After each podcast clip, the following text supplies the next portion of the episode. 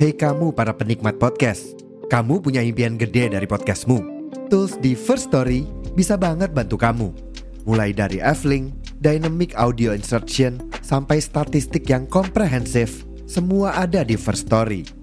Gak ketinggalan, kamu bisa monetisasi podcastmu lewat iklan dari First Story Ads yang bisa kasih kamu penghasilan dari setiap place podcastmu.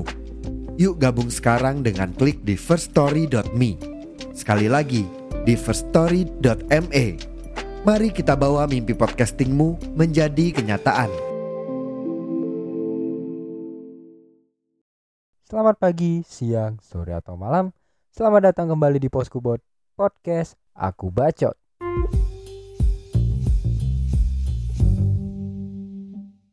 Halo Sobat Poskubot, selamat datang di Poskubot Podcast Aku Bacot yang selalu menampilkan kiat-kiat atau self improvement yang bisa kalian ambil value-nya di terutama di umur early 20s dan hari ini gue lagi ditemenin sama seseorang yang menurut gue inspiratif. Dia juga punya value yang tinggi yang bisa kita dapatkan terutama di episode ini. Dan mungkin untuk menghemat waktu teman-teman silahkan diperkenalkan mas Halo teman-teman semuanya, teman-teman pendengar Paskubot. Perkenalkan, aku Rendra Hidayat dari Sekolah Tinggi Pariwisata AMTA Yogyakarta, program studi pariwisata. Sekarang aku saat ini semester 6. Seperti itu Adriel, terima kasih. Ya, terima kasih Rendra. Ya, uh, Rendra ini Ya. adalah teman gua. Uh, kita ketemu di Bandung dulu ya dan ya kita udah dua tahun nggak ketemu ya Ren. Udah lama banget gak sih itu? Bener banget, dua tahun nggak ketemu semenjak tahun 2019 ya kalau nggak salah. Ya, 2019 akhir kalau nggak salah. Sebelum gue balik ke Bandung kan pasti ketemu lo dulu dong. Yes. Oh iya, betul-betul. Gini Ren, gua dua tahun nggak ketemu lo, tapi gue masih merasa apa ya keep in touch lah. Kita masih keep in touch dan gue melihat di sini eh, selama dua tahun ini juga lo sangat produktif ya. Maksudnya lo eh, melakukan segala sesuatu yang punya impact baik dan menurut gue di umur kita yang di early 20s ini kita juga harus melakukan hal yang produktif gitu. Kayak misal eh, menjadi pribadi yang lebih baik. Nah, menurut lo apa sih menjadi produktif tuh apa gitu menurut lo? Kalau menurut aku sendiri menjadi produktif itu ketika kita bisa melakukan, mendapatkan sesuatu hal yang positif dan tentunya tidak merugikan orang lain. Produktif itu menurut aku nggak sama ya sama dengan ambisi, berambisi gitu loh. Kayak kita kan kalau semua berambisi kan terkesan ambisi itu kan terkesan negatif ya. Kalau aku lebih suka dan menyenangkan, menyenangi kata-kata yang antusias. Jadi menurut aku produktif itu merupakan salah satu antusiasme dari aku pribadi untuk mendapatkan dan juga menyebarkan sesuatu hal yang positif ke orang lain seperti itu. Ya bener banget dan gue ngeliat di masa pandemi ini selama dua tahun terakhir ini adalah lu lagi apa ya aktif-aktifnya lah. Nah pernah nggak sih Ren eh, selama pandemi ini atau mungkin di awal pandemi lu berpikir buat istirahat gitu untuk sejenak gitu sebelum lu aktif kembali? Kalau istirahat di awal pandemi itu aku masih menjadi mahasiswa baru semester 2. Tentunya waktu awal-awal menjadi mahasiswa, mahasiswa baru itu kan pasti banyak apa ya banyak rencana yang memang sekiranya kita ingin lakukan di bangku perkuliahan ini. Cuman waktu itu karena terhalang pandemi dan ternyata empat semester itu kita daring atau kuliah secara online. Jadi sekiranya hal-hal yang memang sudah di- sudah aku rencanakan ketika aku uh, luring itu harus dialihkan ke daring. Jadi ketika pandemi 2020 itu bukan maksud untuk memberhentikan diri untuk istirahat, justru aku ingin malah malah ingin melakukan sesuatu hal yang di mana bisa mengisi kekosongan aku pada saat pandemi itu ya meskipun di luar kuliah ya di luar kuliah mungkin ikut webinar mengenai pengembangan diri webinar mengenai pariwisata dan sebagainya itu aku ambil dan nantinya pasti impact dari itu semua akan balik lagi ke aku gitu Eh, dari cerita lu gue bisa ngebayangin sih gimana produktifnya lu selama pandemi. Nah, kan lu aktif banget nih, aktif banget dan produktif banget. Nah, sebenarnya apa sih alasan dibalik lu menjadi produktif gitu? Karena kita tahu ya di masa pandemi tuh kita sama kasur tuh kayak deket banget gitu, kayak dikit-dikit mager, dikit-dikit Iya, ngantuk gitu. Nah, kalau dari lu sendiri gimana? Iya bener banget. Aku juga mengalami hal itu sih kayak dikit-dikit kasur, apa-apa kasur. Aku juga di pandemi itu deket banget sama kasur malah nggak bisa lepas gitu loh. Jadi eh, apa yang melatar belakangi ketika aku harus produktif di masa pandemi dan pasca pandemi ini adalah sewaktu pandemi eh, mungkin semangat-semangat mahasiswa baru itu masih memuncak ya, masih kayak berapi-api ingin melakukan ini itu dan lain sebagainya, ingin melakukan sesuatu hal yang di luar siswa lakukan. Sedangkan sekarang kita sudah menyandang gelar sebagai mahasiswa gitu kan. Jadi banyak sekali hal-hal yang pengen pengen kita lakukan itu itu salah satu hal yang melatar belakangi aku ketika pandemi harus melakukan ikut ini itu dan lain sebagainya itu alasannya sedangkan pasca pandemi sekarang yang memang sudah sekiranya sangat membaik uh, aku juga menyadari mungkin kita semua juga menyadari ketika pandemi kita produktivitasnya itu hanya lewat handphone atau lewat gawai mengikuti webinar, lihat HP, lihat laptop, dan lain sebagainya selama hampir kurang lebih dua tahun. Nah, ketika sekarang udah mulai mas masa pasca pandemi ini mungkin setiap orang itu pasti bosan. Jujur kalau aku sekarang udah mulai bosan untuk mengikuti kegiatan secara daring itu jadi aku memutuskan dari produktivitas cara aku pasca pandemi sekarang itu latar belakangnya adalah balas dendam.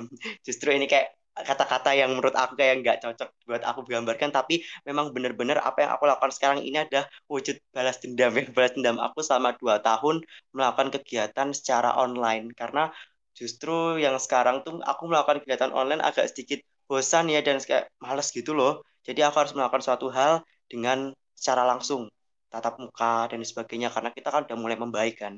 Yaitu uh, lu bilang tadi mm -hmm. uh, lu sedikit membenci aktivitas online. Nah, di awal pandemi sendiri kita apa-apa online kan, uh, semuanya yeah. dialihkan menjadi daring. Nah, di situ juga yeah. menurut gua hambatan ya buat kita untuk melakukan hal produktif kayak misal kita cari internship mm -hmm. sendiri itu uh, kita ya mau nggak mau FH dong. Nah, kalau lu sendiri lu yeah. kan agak kurang suka lah istilahnya dengan hal itu. Nah, dan lu melakukan hal itu tuh sebenarnya nyaman gak sih yang lu lakuin di saat lu harus melakukan secara online di saat padahal lu pengen kayak ya mending offline lah gitu semasa pandemi kemarin. Iya betul. Ya jadi waktu masa awal pandemi itu memang yang aku bilang tadi agak sedikit gak terlalu suka ketika kita online memang benar gitu dari awal sebenarnya. Mungkin karena di awal-awal uh, kita harus menyadari menyadari ketika adanya COVID-19 itu merupakan salah satu hal yang baru dan kita harus mau nggak mau memang harus melaksanakan secara online. Harus apa ya istilahnya kayak menyelamatkan diri kita diri orang lain juga agar sama-sama apa ya saya menjaga diri gitu loh jadi dari aku pribadi uh, sebenarnya kalau dibilang nyaman atau enggak itu aku akan bilang nyaman cuman mungkin nyamannya enggak 100% gitu loh mungkin 80 sampai 90 itu aja kalau dari aku oke okay. uh, misalkan hmm. nih lu harus memilih gitu uh, di saat pandemi itu lu ada waktu di mana lu harus istirahat gitu karena memang uh, itu badan lu sedang butuh istirahat dan itu juga lagi masa pandemi. Tapi di sisi lain kalau lu nggak melakukan sesuatu di situ lu pasti akan ngerasa kayak kurang produktif. Nah, kalau boleh milih lu bakal pilih yang mana kira-kira dari dua pilihan itu? Kalau dari dua pilihan itu gini ya, Adriel, aku tuh juga bingung ya kak sama diriku. Kadang tuh aku selalu memaksakan kehendak dari diriku sendiri. Contohnya seperti ini, dari sekarang pasca pandemi ini pun ya meskipun kita masih dalam pandemi ketika aku udah ngerasa nggak enak badan itu aku selalu memaksakan kehendak memaksakan diriku. Karena aku tahu kalau aku selalu apa ya memanjakan diriku untuk sakit itu pasti akan terus berlarut-larut. Jadi aku akan memilih di opsi ya memang yang kedua gitu loh. Memang yang harus benar-benar produktif tapi meskipun dalam masa pandemi karena pandemi itu jujur nggak nggak bakal menghalangi kita dari produktivitas gitu. Sedang tapi uh, dalam artian uh, kita itu bisa melakukan sesuatu hal yang positif, tetapi kita juga harus bisa untuk menyeimbanginya dengan kita harus menjaga satu sama lain itu. Sama sih ya, yang gue rasain pas pandemi kemarin karena emang podcast ini juga mm -hmm. lahir di masa pandemi sebenarnya. Jadi yeah. uh, di saat gimana gue masih bingung waktu itu kayak ya sebenarnya enak sih mas. Lu bisa istirahat dengan lebih enak. Lu juga kuliah online juga yang modal atasan terus bawa kolor kan. Itu enak banget hmm. sebenarnya. Cuman uh, di satu sisi gue juga apa ya uh, let's say gue itu tidak nyaman. Setahun dua tahun gak melakukan apa pun setidaknya yang baik buat diri lu sendiri menurut gue itu adalah sebuah kemunduran ya. Karena ya iya sama umur kita nggak bisa ditarik kembali waktu terus berjalan ya paling tidak dengan waktu yang kita punya sekarang kita harus ngelakuin hal-hal produktif. Nah itu juga nyambung soal save value. Jadi uh, gak apa ya gue berpikir kayak gue harus punya sesuatu yang bisa gue kasih ke orang lain setidaknya seperti itu. Atau mungkin buat diri gue sendiri kayak misal gue melakukan apa kek yang bisa berguna buat orang lain gitu. Termasuk podcast ini kan karena emang untuk hmm. podcast ini gue bangun buat orang-orang yang setidaknya kalau mereka tidak punya teman buat cerita mereka bisa dengerin ini dan gak tahu ya Ren gue merasa kayak kalau kita punya cerita yang relate di podcast yang kita denger tuh kayak meringankan gitu gak sih? Kayak kita merasa nggak sendiri. Nah itu adalah self value yang gue kejar. Gue harus bisa bermanfaat buat diri gue sendiri ataupun orang lain. Nah kalau lu sendiri uh, menurut lu self value buat lu tuh apa sih? Menurut aku pribadi ya untuk self value ya mungkin sama kayak Adriel aku juga harus bisa membawa impact atau dampak yang baik kepada orang lain. Karena aku menyadari kita itu sebagai manusia terkadang memang tidak hidup sendiri gitu ya. Meskipun kadang ada satu waktu di mana kita harus sendiri gitu harus sendiri untuk merefleksikan diri ketika kita mungkin ada mungkin masalah dengan hati atau amarah yang terpendam kita memang itu harus sendiri gitu loh. Cuman kita juga harus menyadari ketika kita sebagai makhluk sosial itu ya kita harus bisa berkomunikasi berbaur dengan orang lain gitu loh. Jadi menurut aku self value itu ketika ya memang yang benar dikatakan juga Adriel kalau kita itu memang harus memberikan dampak ke orang lain gitu. Dampak yang berarti positif ya, bukan yang negatif ya gitu.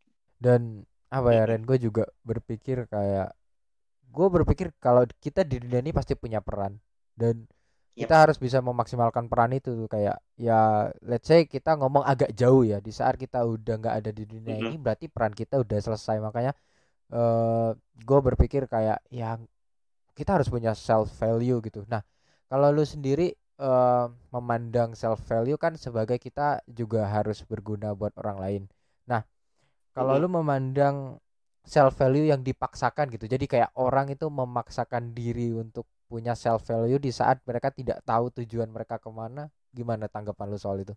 Kalau tanggapanku soal self value yang istilahnya dipaksakan itu terkadang memaksakan suatu hal itu memang nggak baik ya. Apalagi ketika kita tidak memiliki sebuah tujuan gitu loh. Jadi uh, aku takutnya yang mungkin yang entah ini pemikiran kepribadi atau teman-teman juga memikirkan hal ini ketika self value itu dipaksakan artinya kita itu memang tidak ikhlas melakukan suatu hal itu yang sangat aku apa ya garis bawahi mungkin sekarang. Karena kalau self value itu kan apa yang lahir dari diri kita kan. Sedangkan kita itu harus mengetahui terlebih dahulu apa tujuan dari self value itu gitu. Jadi aku menurut aku pribadi self value yang dipaksakan itu bukan bermaksud nggak baik enggak tapi alangkah lebih baiknya ketika kita ingin meng, apa ya ingin menambah value nilai dalam diri itu kita harus mengetahui tujuan dari kita gitu loh. Jangan sampai kita uh, menambah self value itu dengan cara kita hanya ikut-ikutan dan tidak ikhlas menjalani suatu hal. Itu sangat menurutku nggak baik sih. Takutnya takutnya nanti kita malah tersesat atas apa yang kita lakukan gitu. Ya benar banget. Gue kenal seseorang yang dia tuh memaksa untuk menjadi produktif. Jadi ya dia ikutin semua mm-hmm. volunteer dia ikutin internship cuman buat biar CV-nya banyak. Maksudnya lu tahu gak sih CV-CV yes. keren yang dia punya banyak pengalaman gitu kan? Nah yes uh, tapi dia tuh nggak tahu tujuan dia melakukan itu untuk apa. Maksudnya uh, oke okay, bikin CV bagus. Tapi kalau lu bikin CV bagus tapi lu nggak mendapatkan pelajaran dengan apa yang lu lakuin menurut gue percuma. Itu nol besar. Nah lu pernah ngerasain gak sih? Atau lu pernah merasakan atau bertemu orang yang ya memaksakan produktif tapi itu sebenarnya toksik itu buat diri mereka? Uh, untuk itu kayaknya aku belum pernah melihat ya toxic productivity itu seperti apa. Cuman mungkin uh, kalau dari aku pribadi aku terkadang tuh agak sedikit kamu pernah nggak sih ngerasa kayak melakukan satu hal padahal itu satu hal yang kamu senangi tapi kamu terkadang bimbang di tengah jalan. Nah, itu aku kadang pernah merasakan hal seperti itu. Itu loh. Itu sebenarnya buat tantangan banget ya buat diri aku kalau seumpama aku menemui hal-hal seperti itu. Karena justru terkadang aku juga nggak tahu entah ini di diri aku sendiri atau di orang-orang lain juga pernah merasakan hal seperti itu. Cuman kadang kita tuh selalu dihadapkan dengan hal-hal yang kita kita sukai, tapi kita juga dipertanyakan apa tujuan dari kamu melakukan ini gitu loh. Kalau itu Adriel kira-kira aku ingin juga bertanya deh. Ingin bertanya apakah kamu juga pernah merasakan hal seperti itu gitu loh? Iya, uh, kalau kita ngomongin capek, menurut gue semua orang pasti ada sisi capeknya gak sih? Kayak, ya pastilah kita pernah burnout, tapi burnout itu menurut gue ada dua, burnout di saat lu ngelakuin sesuatu yang gak lu ikhlas di dalamnya, atau lu burnout ngelakuin sesuatu yang lu suka, karena outputnya bakal beda. Kalau lu ngelakuin sesuatu yang gak lu suka, ya pasti apa ya pasti capek lah. Pasti lu akan mempertanyakan apa tujuan lu di awal. Nah sama sama juga kalau lu ngelakuinnya seneng nih. Tapi ya, ya kita namanya manusia kita punya kapasitas. Dan kita pasti juga sering mempertanyakan sesuatu yang di tengah jalan. Cuman itu menurut gua tergantung lu menyikapinya jadi kayak misalkan kalau lu ragu dan itu menurut lu nggak baik endingnya lu bisa berhenti. Tapi kalau lu cuman ragu-ragu karena capek ada baiknya lu tetap lanjut. Karena kita kan nggak nggak akan tahu toh apa yang akan terjadi ke depannya. Siapa tahu dengan lu menyelesaikan apa yang lu mulai saat ini lu bisa mendapatkan ya let's say hal-hal yang gak lu expect selama lu hidup gitu. Dan apa ya ngomongin soal toxic productivity menurut gue uh, let's say gue dikelilingi sama orang-orang yang seperti itu. Jadi kayak ada orang yang memaksakan diri buat terlihat produktif cuman biar dibilang keren. Banyak itu banyak. Yeah. dan bener, menurut gue ya it's okay kalau lu emang jalan hidupnya seperti itu ya. Cuman gue menyayangkan di saat lu tidak menikmati apa yang lu lakuin gitu. Lu melakukan ini cuman karena orang lain lah karena pengen naikin nama diri lo yang sebenarnya nggak penting-penting banget sih. Karena emang kalau lu mau produktif ya lu harus lakuin. Karena itu keinginan buat lu. Lu pengen dapat pengalaman di situ lu pengen dapat pelajaran berharga dari situ. Dan menurut gua ya namanya produktif itu nggak selalu soal apa ya banyak orang yang bilang produktif itu di saat kita bisa melakukan sesuatu. Tapi mereka nggak tahu nih sesuatu yang mana. Sesuatu tuh bisa banyak hal. Bisa lu melakukan hobi baru itu juga produktif. Bisa lu sesimpel lu kenal lagu baru atau band baru dan lu bisa explore taste musik lu itu adalah hal produktif gitu. Nah apalagi kalau prestasi gitu. Kayak ya siapa sih yang nggak bangga? Diri sendiri pun pasti bangga kalau kita berprestasi. Dan di pandemi ini gue lihat lu punya beberapa prestasi yang gue highlight ya. Kayak misalkan kemarin itu yang duta bahasa ya kalau nggak salah. Iya betul betul betul. Duta bahasa Nah, lu juga ada beberapa prestasi dengan duta-duta itu. Nah, sebenarnya dari semua prestasi yang udah lu capai gitu, mm -hmm. prestasi mana sih yang paling lu banggain dan menurut lu prestasi pertama yang lu dapet apa sih dan gimana rasanya mendapatkan hal itu gitu? Mungkin aku bakal jawab yang prestasi untuk kali pertama aku mendapatkan ya. Di bangku kuliah aja ya, Driel ya. Oke. Kalau di bangku kuliah secara ini itu mengawalinya aku mungkin agak sedikit telat. Di tahun lalu tahun 2021 kalau nggak salah di bulan Oktober itu kan aku uh, bersama timku kami mewakili kampus untuk uh, istilahnya apa ya? Kita mewakili kampus untuk event hackathon. Jadi itu adalah uh, event atau apa namanya internasional event yang diselenggarakan oleh UC UNESCO gitu loh. Jadi itu merupakan kali pertama aku masuk tuh ke lomba-lomba yang sekiranya apa ya cakupannya internasional dan itu kali pertama juga. Mungkin kali pertama itu membuahkan hasil tapi nggak apa ya nggak setinggi banget gitu loh nggak juara satu dua tiga nggak. Waktu itu kami uh, menang sih menang di juara tiga dalam pengambilan video itu. Jadi third winner idea snapshot video batik itu kalau nggak salah namanya itu. Aku masih ingat banget kalau itu. Itu kami melakukan pengambilan videonya itu di kota gede di kota Jogja. Itu itu kali pertama aku untuk masuk ke lomba-lomba yang selanjutnya gitu. Terus kalau ditanya uh, mana yang sekiranya sekarang aku sangat apa ya istilah sangat aku banggakan gitu ya. Yang sangat aku banggakan sebenarnya semua aku banggakan karena uh, International Eyewear Batik dari Hackathon UC UNESCO itu juga merupakan satu hal yang apa ya istilah di luar dari ekspektasi aku. Terus kemudian lomba debat pariwisata secara nasional di Politeknik Negeri Bandung juga itu kali pertama ikut bersama tim juga alhamdulillah juga juara satu itu juga satu hal yang baru gitu. Sama yang kemarin duta bahasa itu menjadi pemenang dua itu sebenarnya ini aja yang pengen aku highlight adalah duta bahasa yang mungkin aku sangat aku banggakan sekarang ya. Karena perjuangan aku untuk mendapatkan duta bahasa itu tiga tahun itu jadi persiapannya itu panjang banget dan sekiranya aku 2020 itu aku memang sudah ikut duta bahasa Provinsi Jogja, daerah istimewa Yogyakarta, tapi pada waktu itu aku tidak melanjutkan untuk audisi karena terhalang pandemi. Itu. Terus yang kedua 2021 aku ikut duta bahasa di provinsi daerahku yang aku berasal.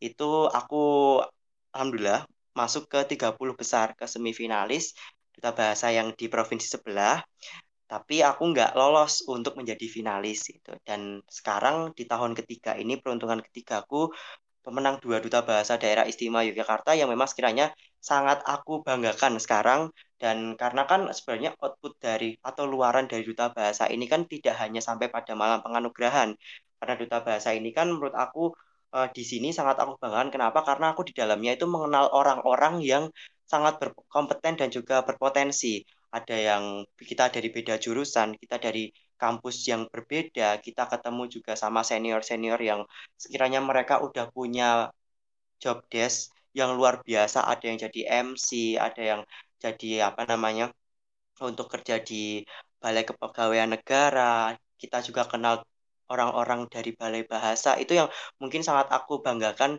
sekarang adalah menjadi duta bahasa gitu karena ini kan relasinya cukup luas ya itu dari aku sih itu kalau duta duta bahasa ya um, dan lo itu juga mendapatkan itu berdasarkan perjuangan ya. Nah selama tiga tahun lu berjuang buat di situ ada nggak sih Ren uh, rasa di mana kayak ah gue nih udah nyoba berulang kali tapi masih belum berhasil. Yang ini bakal berhasil gak ya? Dan pernah gak sih itu ngehambat lu buat ngejar? Ya let's say mimpi lu lah pada saat itu.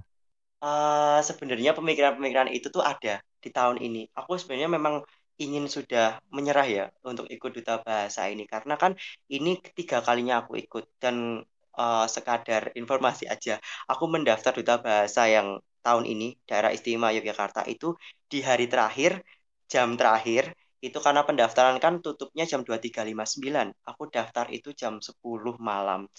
Itu karena aku sempat ragu untuk mendaftar karena aku takutnya apa yang sudah aku kejar sama ini memang bukan jalanku gitu lah. Aku takutnya itu. Tapi waktu itu ada beberapa orang yang menguatkan untuk ya udah dicoba dulu aja. Sekiranya kalau seumpama uh, memang belum rezeki ya nanti pasti ada rezeki penggantinya kayak gitu. Aku di uh, dikasih wejangan seperti itu. Jadi ya udah aku waktu itu mencoba dan ternyata aku lolos gitu. Ya lolos jadi finalis pun aku sangat udah sangat bersyukur gitu. Karena memang dari awal aku kalau seumpama ikut ajang seperti inian event duta itu aku belum pernah aku nggak pernah mematok aku mau juara satu dua tiga empat lima tanpa aku belum masuk menjadi finalis. Jadi aku berani mematok aku akan mengejar posisi berapa setelah aku jadi finalis. Ya berarti uh, itu dengan lu tidak mematok mau juara berapa sebelum finalis itu adalah salah satu cara lu buat maintaining expectation kan berarti? Iya bener banget. Supaya aku tuh nggak sakit sama ekspektasiku sendiri dan ya menurut gua tiga kali nyoba dalam tiga tahun itu pasti ada ya tears and bloodnya lah nah setelah yeah. lu akhirnya dapat apa yang lu pengen selama tiga tahun ini apa sih yang lu pelajarin dari ya let's say mengejar mimpi lo inilah gitu. Alright, kayaknya pembahasannya akan lebih menarik nih ke depannya. Tapi seperti biasa kita dengerin yang lewat berikut ini. Oke teman-teman terima kasih yang udah dengerin hal tersebut. Mari kita lanjut. Iya, jadi kalau menurut aku kan memang duta bahasa itu salah satu mimpiku ya. Ini selama tiga tahun aku konsisten untuk mengejar gelar duta bahasa Eh, let's apa namanya uh, tidak uh, istilahnya tidak mematok juara sebelum aku jadi finalis gitu loh ini tuh menurut aku juga salah satu hal yang memang sekiranya uh, yang aku perjuangkan dan yang aku sama yang seperti Adriel bilang tadi pasti ada kayak tangisnya gitu loh. Itu ada banget sih kalau menurut aku. Banyak orang waktu ketika aku menjadi pemenang dua itu banyak sekali aku mendapatkan pesan seperti ini. He deserve it. Kayak aku tuh layak untuk apa namanya memenangkan juara dua. Terus ada yang bilang selamat ya Rendra. Akhirnya kamu jadi juara ini. Aku tahu banget perjuanganmu. Banyak sekali kata-kata dan juga kalimat seperti itu yang aku dapatkan di hari ketika aku menjadi pemenang dua. Karena orang-orang yang bilang seperti itu mengucapkan kalimat seperti itu baik secara lisan maupun tulisan itu karena mereka tuh memang benar-benar tahu perjuanganku dari awal sama tiga tahun itu loh. Justru kalau aku sekarang mau bilang duta bahasa itu menjadi salah satu wadah yang memang sulit banget aku jangkau. Karena di sini itu kita itu tidak hanya dinilai secara fisik ya menurutku. Kita dinilai secara kemampuan bicara publik personality atau kepribadian. Terus kita juga mungkin dinilai karena uh, komunikatifnya kita dan lain sebagainya aku juga kurang tahu apakah bahan-bahan pertimbangan itu menjadi sebuah nilai utama dari penetapan kita sebagai finalis dan menjadi keluarga bagian ikadubas ikatan duta bahasa itu. Seperti itu Adriel. Uh, ucapan orang-orang terkadang memang bikin senang gak sih? Kayak itu bisa nambah self confidence mm -hmm. juga which mean itu adalah hal yang baik buat diri lo. Dan support dari orang-orang baik tuh sebenarnya kita butuhin gak sih? Terutama di saat kita men, uh, ya let's say berjuang lah untuk mendapat mendapatkan mimpi kita. Nah, ngomongin soal apa ya uh, semangat dari orang-orang, ada nggak sih satu atau dua hal yang bikin lu kayak let's say sak dalam tanda kutip sakit hati lah gitu karena omongan orang gitu sakit soal omongan orang itu pasti pernah ya. Aku pernah merasakan hal seperti itu. Justru Rendra di tahun 2019-2020 itu ketika seorang Rendra mendengarkan atau mendapatkan kata-kata yang negatif itu pasti akan aku selalu sedih yang pertama. Kemudian yang kedua ada aku selalu apa ya, lawah pikir, overthinking mengenai ucapan yang memang aku dapatkan itu render di 2019-2020 tanpa merefleksasikannya dan tanpa memikirkan aku harus bertindak seperti apa. Jadi aku sudah memutuskan, oh iya, aku 2019-2020 ketika aku dapat hal-hal seperti itu, ucapan seperti itu, aku pasti outputnya atau luarannya adalah sedih. Tapi ketika sekarang uh, aku justru ketika sekarang menjadi seseorang yang seperti ini, aku nggak mau bilang aku orang yang berprestasi karena aku juga masih mau belajar gitu loh. Uh, di sini pasti ada banyak beberapa orang juga yang pasti akan membicarakan hal-hal yang negatif seputar aku. Karena aku juga kemarin sempat buka ya kamu tahu kan NGL link yang sedang viral-viralnya itu kan? Nah aku membuka itu membuka NGL link yang memang uh, ada yang mengirim pesan itu dengan pesan-pesan yang memang sekiranya itu uh, apa ya menurut aku sangat bukan menyakiti tapi lebih kayak nyindir ya gitu ya. Dia nyindir dengan aku boleh sebut nggak sih kayak NCL link-nya isinya apa gitu? Boleh, boleh. Uh, jadi NCL link-nya tuh isinya gini, jaga image-nya mantul sekali ya gitu kan. Nah, jaga image menurut aku kalimat-kalimat seperti itu ya nggak apa-apa diutarakan, tapi tolong banget, banget, banget untuk mengutarakannya itu secara langsung dan secara halus gitu loh. Jangan dilewat anonimus seperti ini. Karena kan ya memang seperti ini pesan-pesan yang seperti itu yang negatif dan lain sebagainya itu akan sampai ke aku dengan aku merefleksasikannya dengan hal yang positif untuk sekarang. Aku menyadari ketika aku di tahun lalu tahun-tahun sebelumnya itu menjadi seseorang yang memang uh, sudah memutuskan kehendak secara sendiri tanpa memikirkan jalan keluarnya. Jadi itu. Jadi menurut aku ketika pasti ucapan-ucapan atau kalimat negatif itu pasti ada dan aku harus memikirkan bagaimana. Kita kan juga nggak apa ya istilahnya itu kita nggak bisa membuat orang lain tuh suka sama kita gitu kan. Jadi kita sebisa mungkin kalau dari aku pribadi ketika aku mendapatkan hal-hal semacam seperti itu ya aku akan meminimalisir dan juga aku kan juga nggak tahu ini siapa yang mengirim gitu kan. Ya istilahnya lebih menjaga diri dan mungkin sedih pasti iya tapi sedihku ini akan bukan bermaksud balas dendam tapi ingin apa ya membuktikan kalau seumpama perkataan-perkataan negatif itu bukan aku gitu loh, bukan aku banget gitu. Ya meskipun jaga image ini penting ya menurut aku karena kan kita juga harus membangun personal branding tanpa memaksakan diri. Itu sih menurut aku Adriel. Ya, benar banget. Apa ya, kita pasti akan selalu ketemu orang-orang yang dalam tanda kutip menghambat lah dan sama sih yang dialamin gua dan teman-teman gua terutama untuk menjadi produktif ya kayak ya kita, mm -hmm. gue cerita dikit kayak awal berdirinya podcast ini pun masih banyak orang-orang yang kayak ya lu tau lah podcast gue dulu uh, itu masih dibikin pakai headset Samsung terus pakai HP itu pasti mm -hmm. secara kualitas audio lu tau lah outputnya seperti apa dan di saat itu banyaklah orang-orang yang kayak ya ngapain sih bikin podcast mah harusnya seperti ini seperti ini seperti itu banyaklah omongan negatif tapi ya ya I'm not gonna buy that gitu jadi yeah. uh, menurut gue pasti ada halangan lah dan pasti menurut gue itu akan sedikit menghambat ya. Nah, gue mau tanya pendapat lu nih. Misalkan ada orang hmm. yang sedang merintis sesuatu dan dia mencoba menjadi lebih baik, entah dia produktif dalam hal apa pun lah. Let's say dia produktif dalam ikut duta mungkin atau mungkin jadi konten kreator sama kayak gue. Yeah. Terus ada eh, kata-kata uh, yang dalam tanda kutip jahat terus menghambat dia gitu. Akhirnya dia nggak jadi untuk produktif gitu. Nah, lu menyikapi hal itu tuh gimana? Ini tuh aku juga pernah mendapatkan hal seperti kamu, Adriel. Jadi dulu kan kamu juga tahu kan kalau aku juga pernah apa namanya membuat siniar podcast ini kan. Jadi itu aku salah satu alasanku untuk berhenti sebenarnya adalah eh, apa namanya ada beberapa anggapan yang kok buat podcast gini-gini dan lain sebagainya sih kok pakai HP dan sebagainya gitu. Mungkin aku juga merasakan apa yang kamu rasakan gitu loh. Dan ketika apa namanya ada ada argumentasi atau opini-opini negatif itu yang muncul ke diri kita, bagaimana cara kita menyikapi? Mungkin aku dulu nggak sedewas, bukan bukan nggak sedewasa, tapi nggak sememikirkan sekarang gitu loh. Karena dulu kan kalau semua aku dapat kata-kata negatif, ya udah aku berhenti gitu. Kayak ya udahlah gitu kan terus sekarang uh, bagaimana kita menyikapi entah seseorang yang baru merintis jadi konten kreator atau jadi dan lain sebagainya pekerjaan yang memang sekiranya relevan dan mereka senangi dan ketika mereka mendapatkan kata-kata atau kalimat yang negatif ya kita harus menyikapinya. Kalau menurut aku pribadi kita harus menyikap, menyikapinya itu dengan dewasa gitu loh. Jadi kita harus memikirkan gimana oh dia dia itu bilang seperti itu karena memang dia iri satu.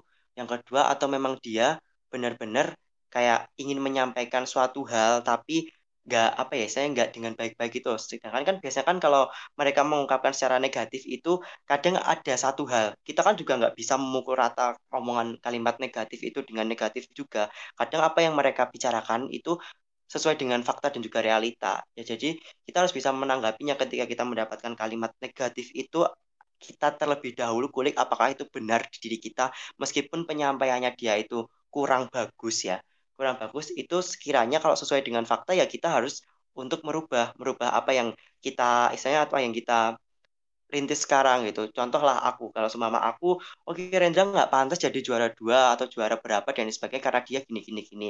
Kalau semama dia apa namanya uh, sesuai dengan fakta, kalau Rendra jaim banget, Rendra nggak sesuai karena dia nggak punya attitude yang bagus, nggak punya sikap yang bagus, nggak layak dia juara berapapun di sini gitu.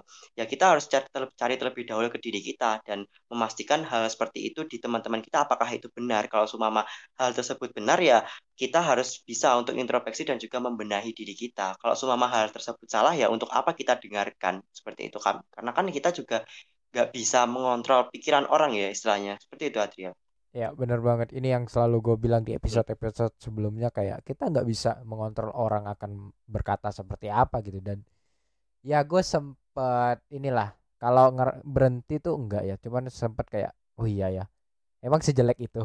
Tapi ya gue ngambil positifnya aja lah jadi mulai dari situ gue mulai improve dari mulai kualitas audio terus juga apa yang gue omongin itu uh, benar-benar gue improve gitu dari kalimat yang itu. Karena memang uh, omongan jelek tuh pasti datang. Cuman gimana kita ngolah itu menjadi hal yang produktif atau tidak itu yang tergantung sama kita dan balik ya, lagi ke prestasi Ren. Ya, gue melihat lu udah hmm. punya banyak prestasi lah di let's say umur early 20s ini. Nah, setelah yes. lu mendapatkan ini semua, apa sih yang masih pengen lu kejar itu sekarang gitu? yang pengen aku kejar ya. Sebenarnya ada beberapa kompetisi yang pengen aku kejar ya Mas Ian. Cuman kan kita harus tahu apa ya usia. Karena aku tahun ini kan sudah dua-dua ya kakak ya.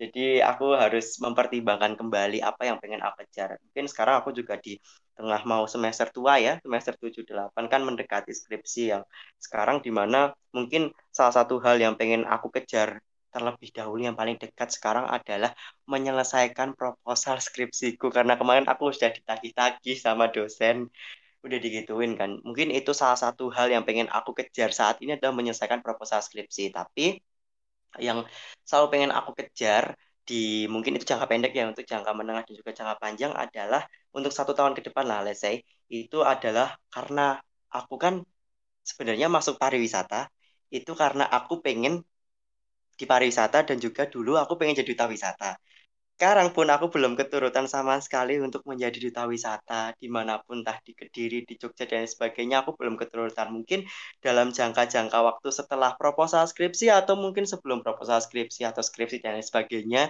itu aku ingin mengejar satu impianku yang memang belum tercapai, yaitu duta wisata. Itu yang sangat pengen aku kejar dan mungkin tahun depan itu karena kemarin juga ada KPI 12 kompetisi pariwisata Indonesia 12 mungkin uh, di tahun aku sebelum lulus aku ingin uh, bersama timku kembali untuk hadir dan juga ikut dalam kompetisi-kompetisi pariwisata Indonesia ke-13 tahun depan entah di Politeknik Negeri Bandung atau di mana.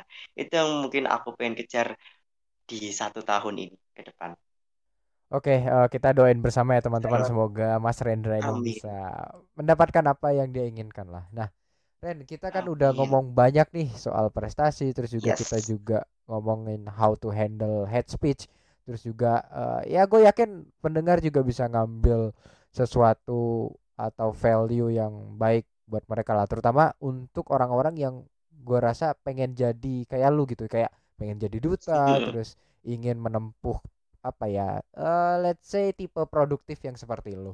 Nah ini mungkin bakal jadi sesi terakhir ya. Nah dan yes. menurut lu apa sih pesan kesan untuk pendengar supaya mereka apa ya setidaknya bisa mengejar mimpi dan bisa menjadi pribadi yang produktif terutama di early 20 ini mungkin kesan dan juga pesan mending uh, kalau dari aku pesan aja ya. Kalau pesan untuk teman-teman uh, yang pertama dan yang paling utama adalah selalu konsisten dengan apa yang kalian inginkan gitu. Ketika kalian ingin meraih prestasi A B C dan lain sebagainya fokus dan juga konsisten dengan apa yang memang sekiranya butuh mereka butuhkan sebagai sebuah penilaian itu ketika kalian konsisten dan juga dibarengi dengan pengembangan diri entah kalian mengikuti webinar, seminar, belajar dari buku, dari kampus dan sebagainya di berbagai tempat pun kita tuh sebenarnya belajar gitu. Tapi bagaimana cara kita untuk meraih atau juga mendapatkan hal-hal apa yang terjadi di lingkungan kita. Jadi ketika kalian ingin melakukan suatu hal, kunci dari aku adalah konsisten.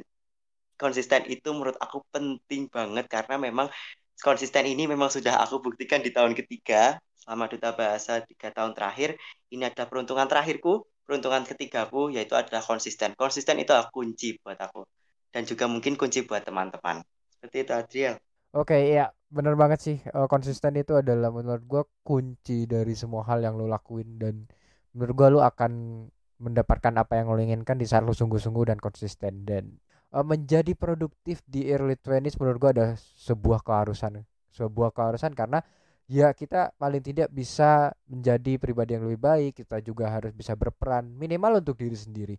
Nah, cuman buat diri sendiri menurut gue ini ya tetap bagus karena lu bisa self improvement dan lebih baik lagi jika lu bisa produktif dan ya berpengaruh baiklah kepada lingkungan sekitar lu.